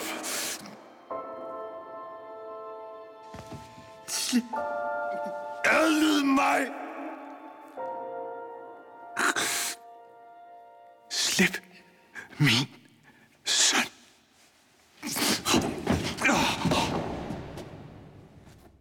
Jeg synes, det er ret godt spillet. Det er mega godt spillet. Af dem begge to. Ja. Han gør det godt. Både Ludvig og far der, der Ja. ja. prøver at spille, at han både er stykke, og far skal igennem, og stykke skal prøve at holde Nils nede. Og... Jeg køber det. Ja, men det gør jeg virkelig. Men det må man også give dem. De har brugt meget tid på at etablere, at de to har et forhold. Ja. Og det har de gjort godt. Ja. Han har, far har ikke noget forhold til de andre børn, men Ludvig og, Og ham, heller ikke sin kone. nej, men Ludvig og ham, de er bare like this. Nils overvinder Stykke og smider ham så ud af sin krop, og Lyd, Ludvig løber hen og fjerner kronen fra Nils' hoved. Stykke prøver at angribe Ludvig, men så stopper Max ham, for han kan jo godt røre ved døde ting. Ja. Så han spænder ben eller et eller andet. Ja. for ham. Ludvig kaster kronen til Nikolas, og så krammer alle hinanden, og de er lettet. Henning hænger af en eller anden grund ud ved klostret, og bliver besat af kometens lys. Han er nu helligånden, og han når at stoppe Stykke for at jage et svær igennem Ludvig. Stykke bliver dømt skyldig i mor og forkert brug af kronen, og han får sin straf. Stykke krumpen. Du er skyldig i mor og uretmæssig brug af Marias krone. Som straf skal du for evigt hjemsøge herretoilettet på restepladsen Øksenhede Øst på motorvej E45. Den det, værste straf, Det jeg er kunne forestille fandme mig. en dum Ja, straf. den nederen. det hedder med med nederen. Det er en straf værre end døden. Ja. Det, der gad jeg heller ikke være. Resten af mit liv. Men hvad tror du så, hvis de nogensinde valgte at nedlægge det her toilet på restepladsen? Er han så fri? Er man så... Men det er jo igen spøgelseslov. Er du bundet til nogle kvadratmeter? Ja, så er han bare bundet til den mark, det så lige pludselig blev måske, eller? skulle man jo synes. Ja. Men det er ellers øh, til gengæld rigtig dumt, den måde, som øh, Helligånden bare er lys ud af Hennings mund, var. Den skuespiller, han har bare skulle stå med åben kæft ja. i alle scenerne. Det bliver rigtig godt i post. Det bliver virkelig godt. Der bliver du glad for valget. Hmm. Måske ikke helt. Når Julie hun ankommer til kirken og kysser og krammer Nikolas. Helligånden siger til Julie, at hun opfandt julen, og Nikolas undskylder for at have brugt levelangt-delen af kronen. Helligånden har besluttet, at Nikolas skal beholde den øverste del af kronen, og at den udvalgte skal beskytte resten af kronen på klostret. Det viser sig, at den udvalgte er... Ludvig, Ej. det var slet ikke Niels. Mm-mm. Nej. Helligånden siger til Elsebeth, Dip og Max, at de gerne må træde over på den anden side. Hvornår er Elsebeth blevet redeemed? Jeg ved det ikke. I princippet så... Jamen, jeg ved det ikke. Nej. Jeg ved, hun har måske bare været spøgelse i 500 år, og så... Hun har ikke dræbt nogen. Hun, hun lukkede ikke Dip ud, men hun gav hende trods alt mad i et år. True, Altså. altså. men så har hun brugt 500 år på at være nederen, og by the way, ikke lært at spille cello. Nå, men Elisabeth, hun tager afsted, og de forventer lidt, at Max tager med hende. Men det synes Rebecca jo sjovt nok ikke er så fed en idé. Men Max, han siger til hende, at hun skal have en kæreste, som er levende. Og trylle, rylle, rundt, så kan hun lige pludselig mærke ham, og de får kysset farvel. Ja. Øh, for det første var han ved at gå, uden at sige farvel. Dip Ja. ja. bare, Max, kom. Så Ja. ja. går så på vej derover. Øh, er du okay at sige farvel til Rebecca? Men Din egen, din elskede, ja. din, ja, whatever. but also, jeg ved godt, de har oplevet mange ting, men nu står Kirsten og Nils og ser på deres datter kysser med et spøgelse. Er der bare nogle ting, vi skal snakke om her bagefter? Eller? skal vi ikke lige tage et familiemøde? Ja. Ja. Bare, bare lige for at snakke det hele igennem. Efter kysset, der tager Dib og Max afsted. Der bliver pyntet op til jul, og Niels han fortæller, at de bliver på Børglum. Kirsten har tænkt sig at lave klostret til et museum og et hotel, og hvis Niels opfører sig pænt, så vil hun måske gerne ansætte ham. Så kommer Thomas og Martine på julebesøg og fortæller, at de skal spise med Henningånden nede på krogen, som de jo kalder deres morfar nu.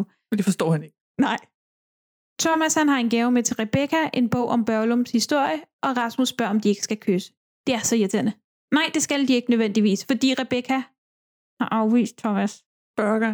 Men nu hvor at magt er væk, så ja, gælder det åbenbart ikke. Ligesom det ikke har galt på noget tidspunkt.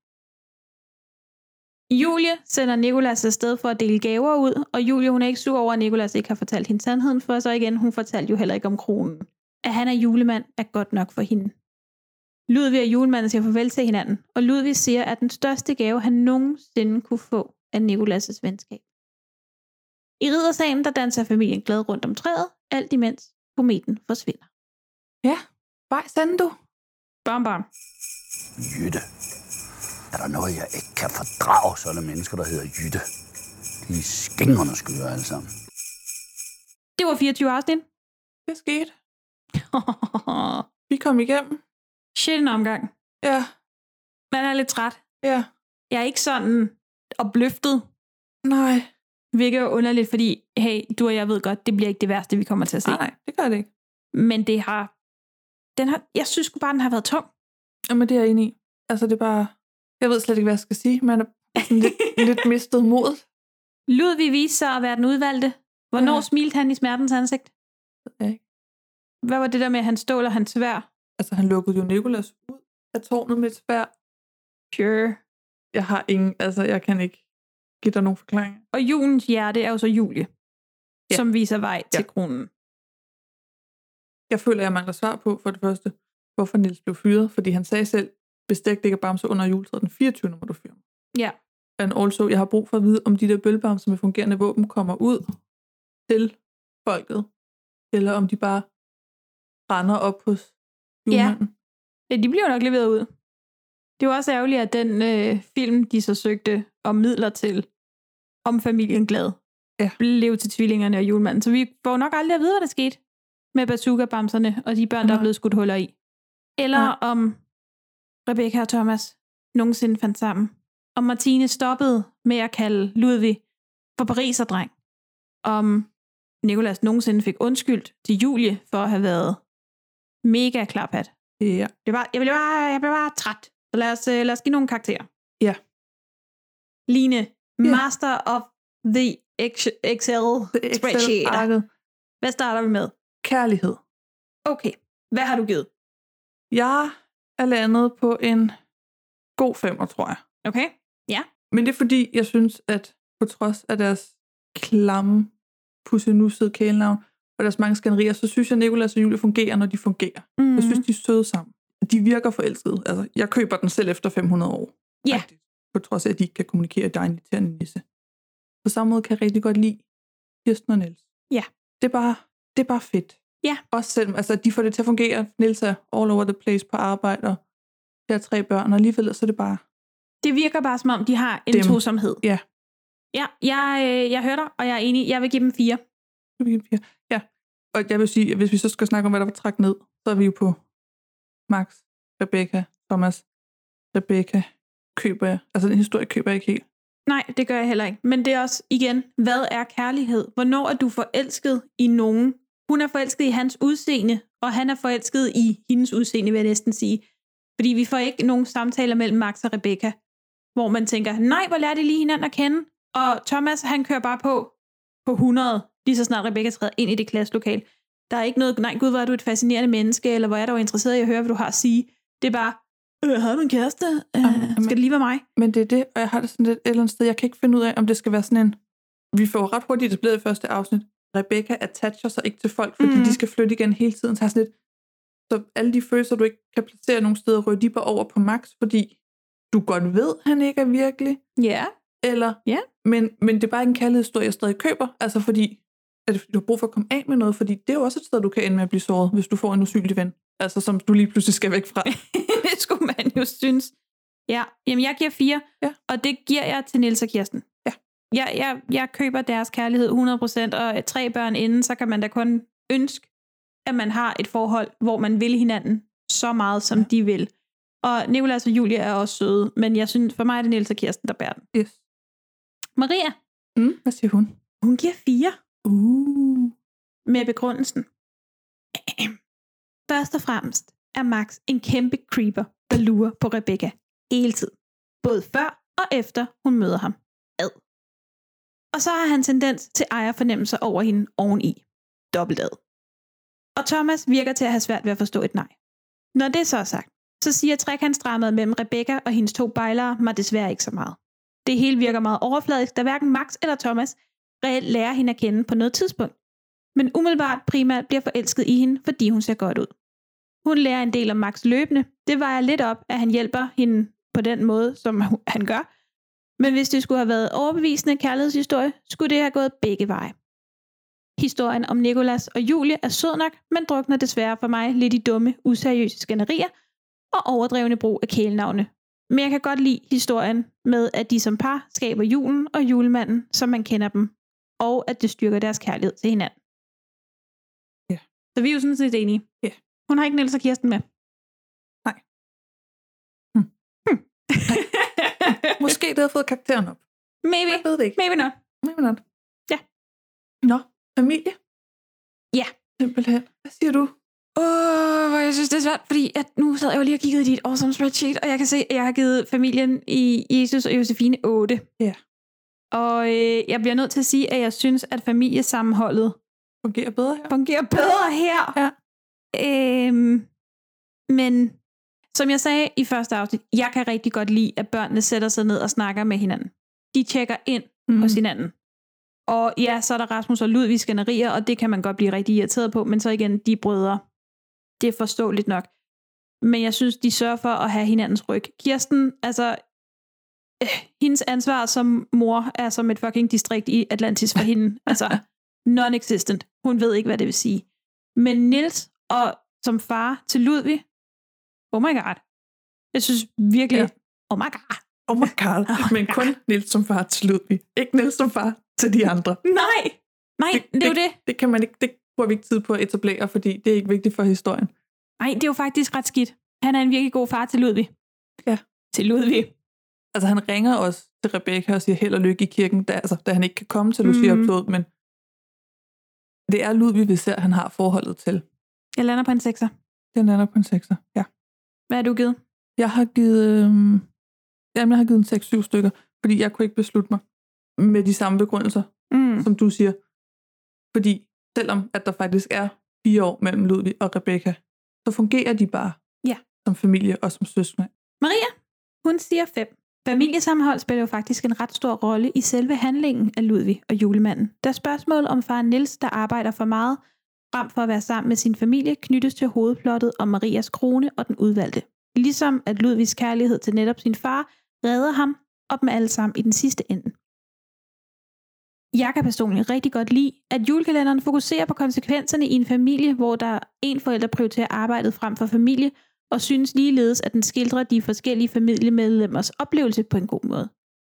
Men modsat den måde, familien er sammen på i for eksempel Jesus og Josefine, mm. eller måden, som man som seer kan mærke kongens kærlighed til sin datter i jul på slottet, opleves det for mig som om, at de familiekærlighedsrelaterede aspekter, hold da magle, i Ludvig og Det var julemanden, et ord. primært er til stede for at skabe plot fremdrift, og de føles derfor ikke ægte.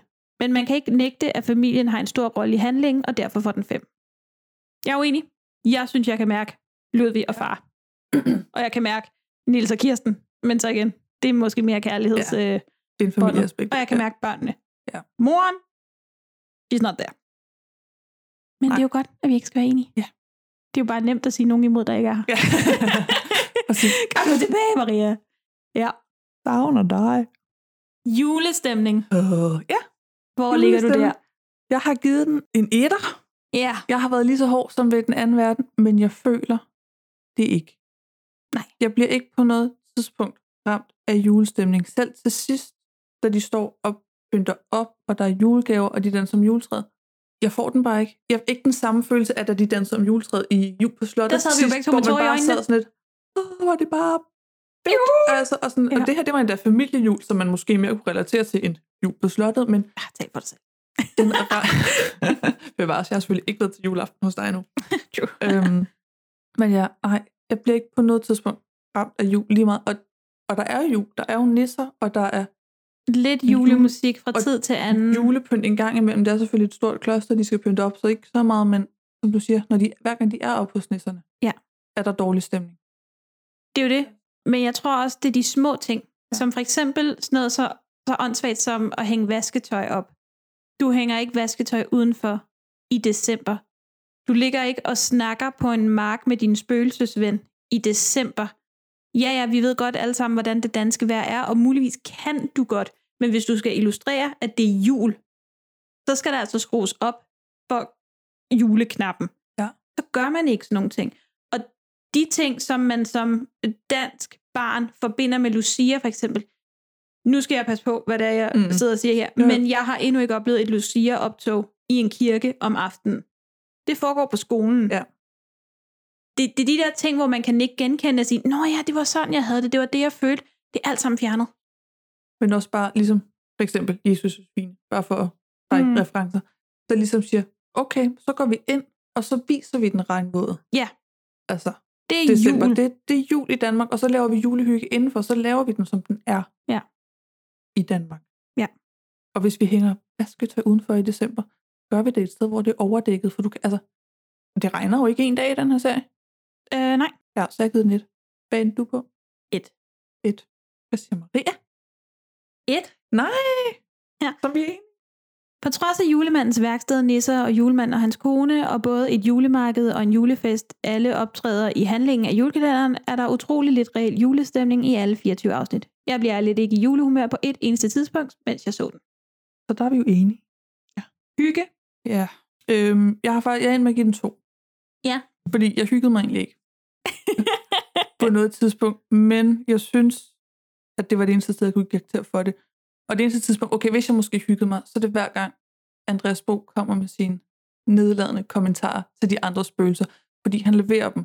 Det, Så godt. det er vel lavet. Altså, jeg er ikke fan af Skyggekrumpens karakter, og han er også super irriterende. Skyggekrumpen. Skyggekrumpen. Stygge. Skyggekrumpen. Kaldte jeg ham skygge? Ja. Nå. Men han er også sådan Ham lidt... er vi heller ikke fan af. Nej, han er også sådan lidt, og det kunne være, han var en stykkeagtig som følelse. Mm. Men nej, jeg er ikke rigtig fan af stykkekrumpen karakter, men når han leverer sin nedladende Ja.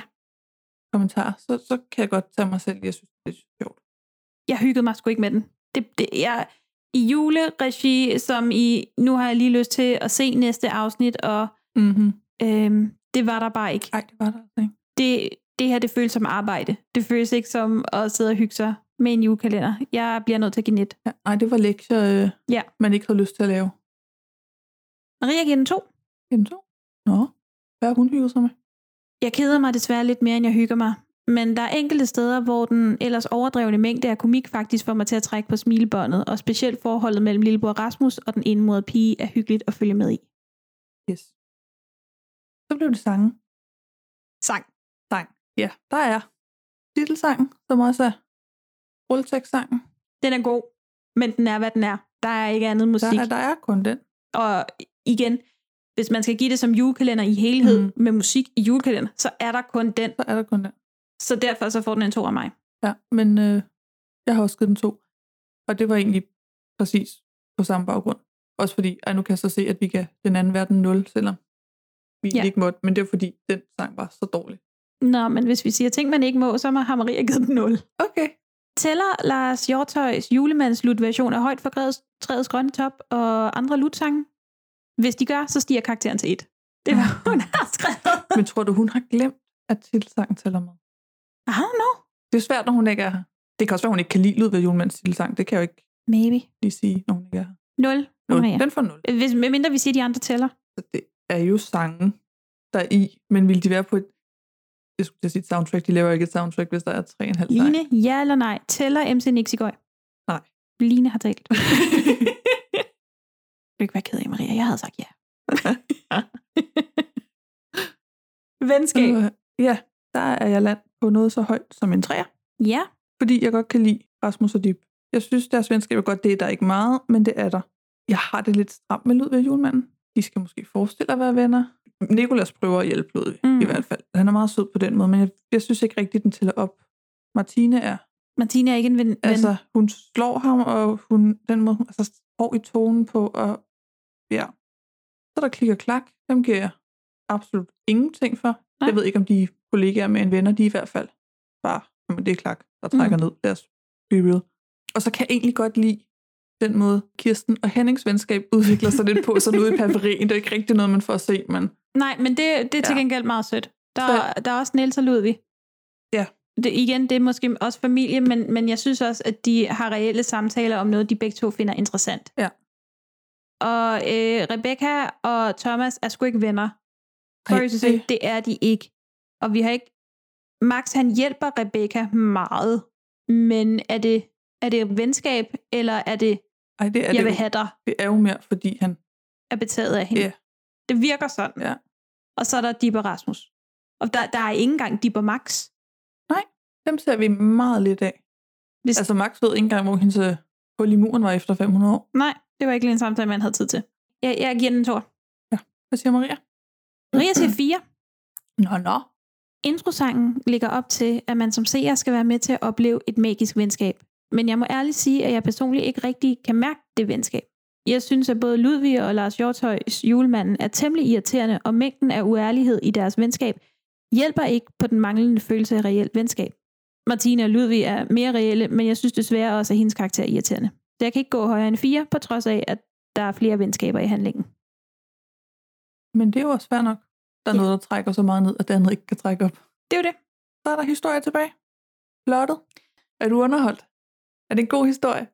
jeg synes, det er en fin historie. Jeg kan egentlig godt lide det, men jeg synes måske mere, at den ligger i, øh, hvilket jo giver mening med forfatterne, mm. men den ligger til en tempelridderne. Something. Altså, det burde mere være en spillefilm, som blev vist i efterårsferien. Ja, den er alt for lang som serie. Alt for lang. For jeg sidder også og tænker, jeg tror ikke, jeg har noget med historien, men der er for mange gentagelser, og den Ja. bliver trukket alt for langt ud over de her 24 afsnit, og der er ting, man godt kunne have taget ud, uden at det ville ødelægge Ja. historien. Der er et eller andet, der, der gør, at den ellers... Det er jo en fin nok historie, og at den bygger på, på reelle ting. Måske ikke lige Marias krone, men at vi har taget Børlum Kloster og Stykkekrumpen og Elsebeth. Og julemanden. Jamen, det er jo det. Faktiske ting, ikke også? I, Historiske personer. Selvfølgelig. Ja. Selvfølgelig. Nå. Det, det, det ender sgu bare ikke med at spille, som det burde gøre, når man sådan sidder og tænker, om der er nogen, der skal kigge efter en krone, og den giver magiske kræfter, og det er jo lige nede i vores Ja, ja. Jo, jo, men fuldstændig. ballpark. Jeg Hvis ved ikke, den hvad det bare- vores det er, men lige nede men i, lige ned i. hvad vi synes er, er hyggeligt. Hvis den bare var Ja. ja, udført på en anden måde, leveret på en anden måde. Så hvad, jeg, jeg tror, jeg, jeg, jeg giver den tre for ideen, men, ja. men udførelsen er øh, desværre lidt mangelfuld. Jeg, jeg er inde på et firtal, Okay. men, men vi er enige. Maria giver den også fire. Okay. Jeg kan godt lide, at man har valgt at placere julekalenderens handling i Jylland med et historisk korrekt afsat i Børlums Kloster, biskoppen Stykkekrumpen og Marias Krone. Men trods det virkelige afsat i plottet, bliver dens handling og måden, den er spillet på, desværre en smule for useriøs og overspillet til min smag. Det skygger for historien, som jeg tror med en anden stil og mindre komik, kunne have været ganske fin og hyggelig fortælling. Så hun er jo enig. Så øh, Line, nu skal øh, maskinen i gang. Ja, jeg finder min kugleramme frem. Hvor meget lugter den af jul? Det bliver spændende. Dum, dum, dum, dum. Jeg har regnet efter. Ja. Og regnet efter igen.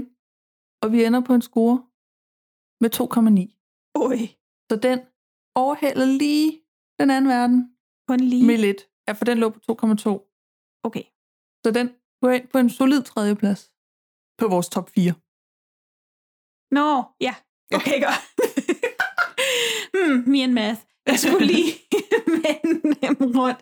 Men, who are we kidding? Ja, Ja, ikke? jo. Det, det, det gav lidt sig selv. Jeg er ikke helt overrasket. Nej. Men, hey, podcasten hedder Har lugter lidt af jul? Spørgsmålstegn. Ja. Og det er jo, Det mener vi jo ikke, den gør. nej, Det kan godt være, andre gør. Den var jo tydeligvis populær. tydeligvis. Har vi været for gamle? Er den populær, fordi folk synes, den er nostalgisk, eller synes folk bare noget andet end os? Fortæl os om det. Ja. Hvorfor kan I lide den? Why? Why though? Kan I lide Why? den? Der er, nu- der er jo ikke nogen, der siger, at I faktisk stemte på den, fordi I kunne lide den. Det er jo det. I kunne godt være, fordi I tænkte, den er godt nok dårlig, den vil jeg gerne høre, hvad de har at sige om.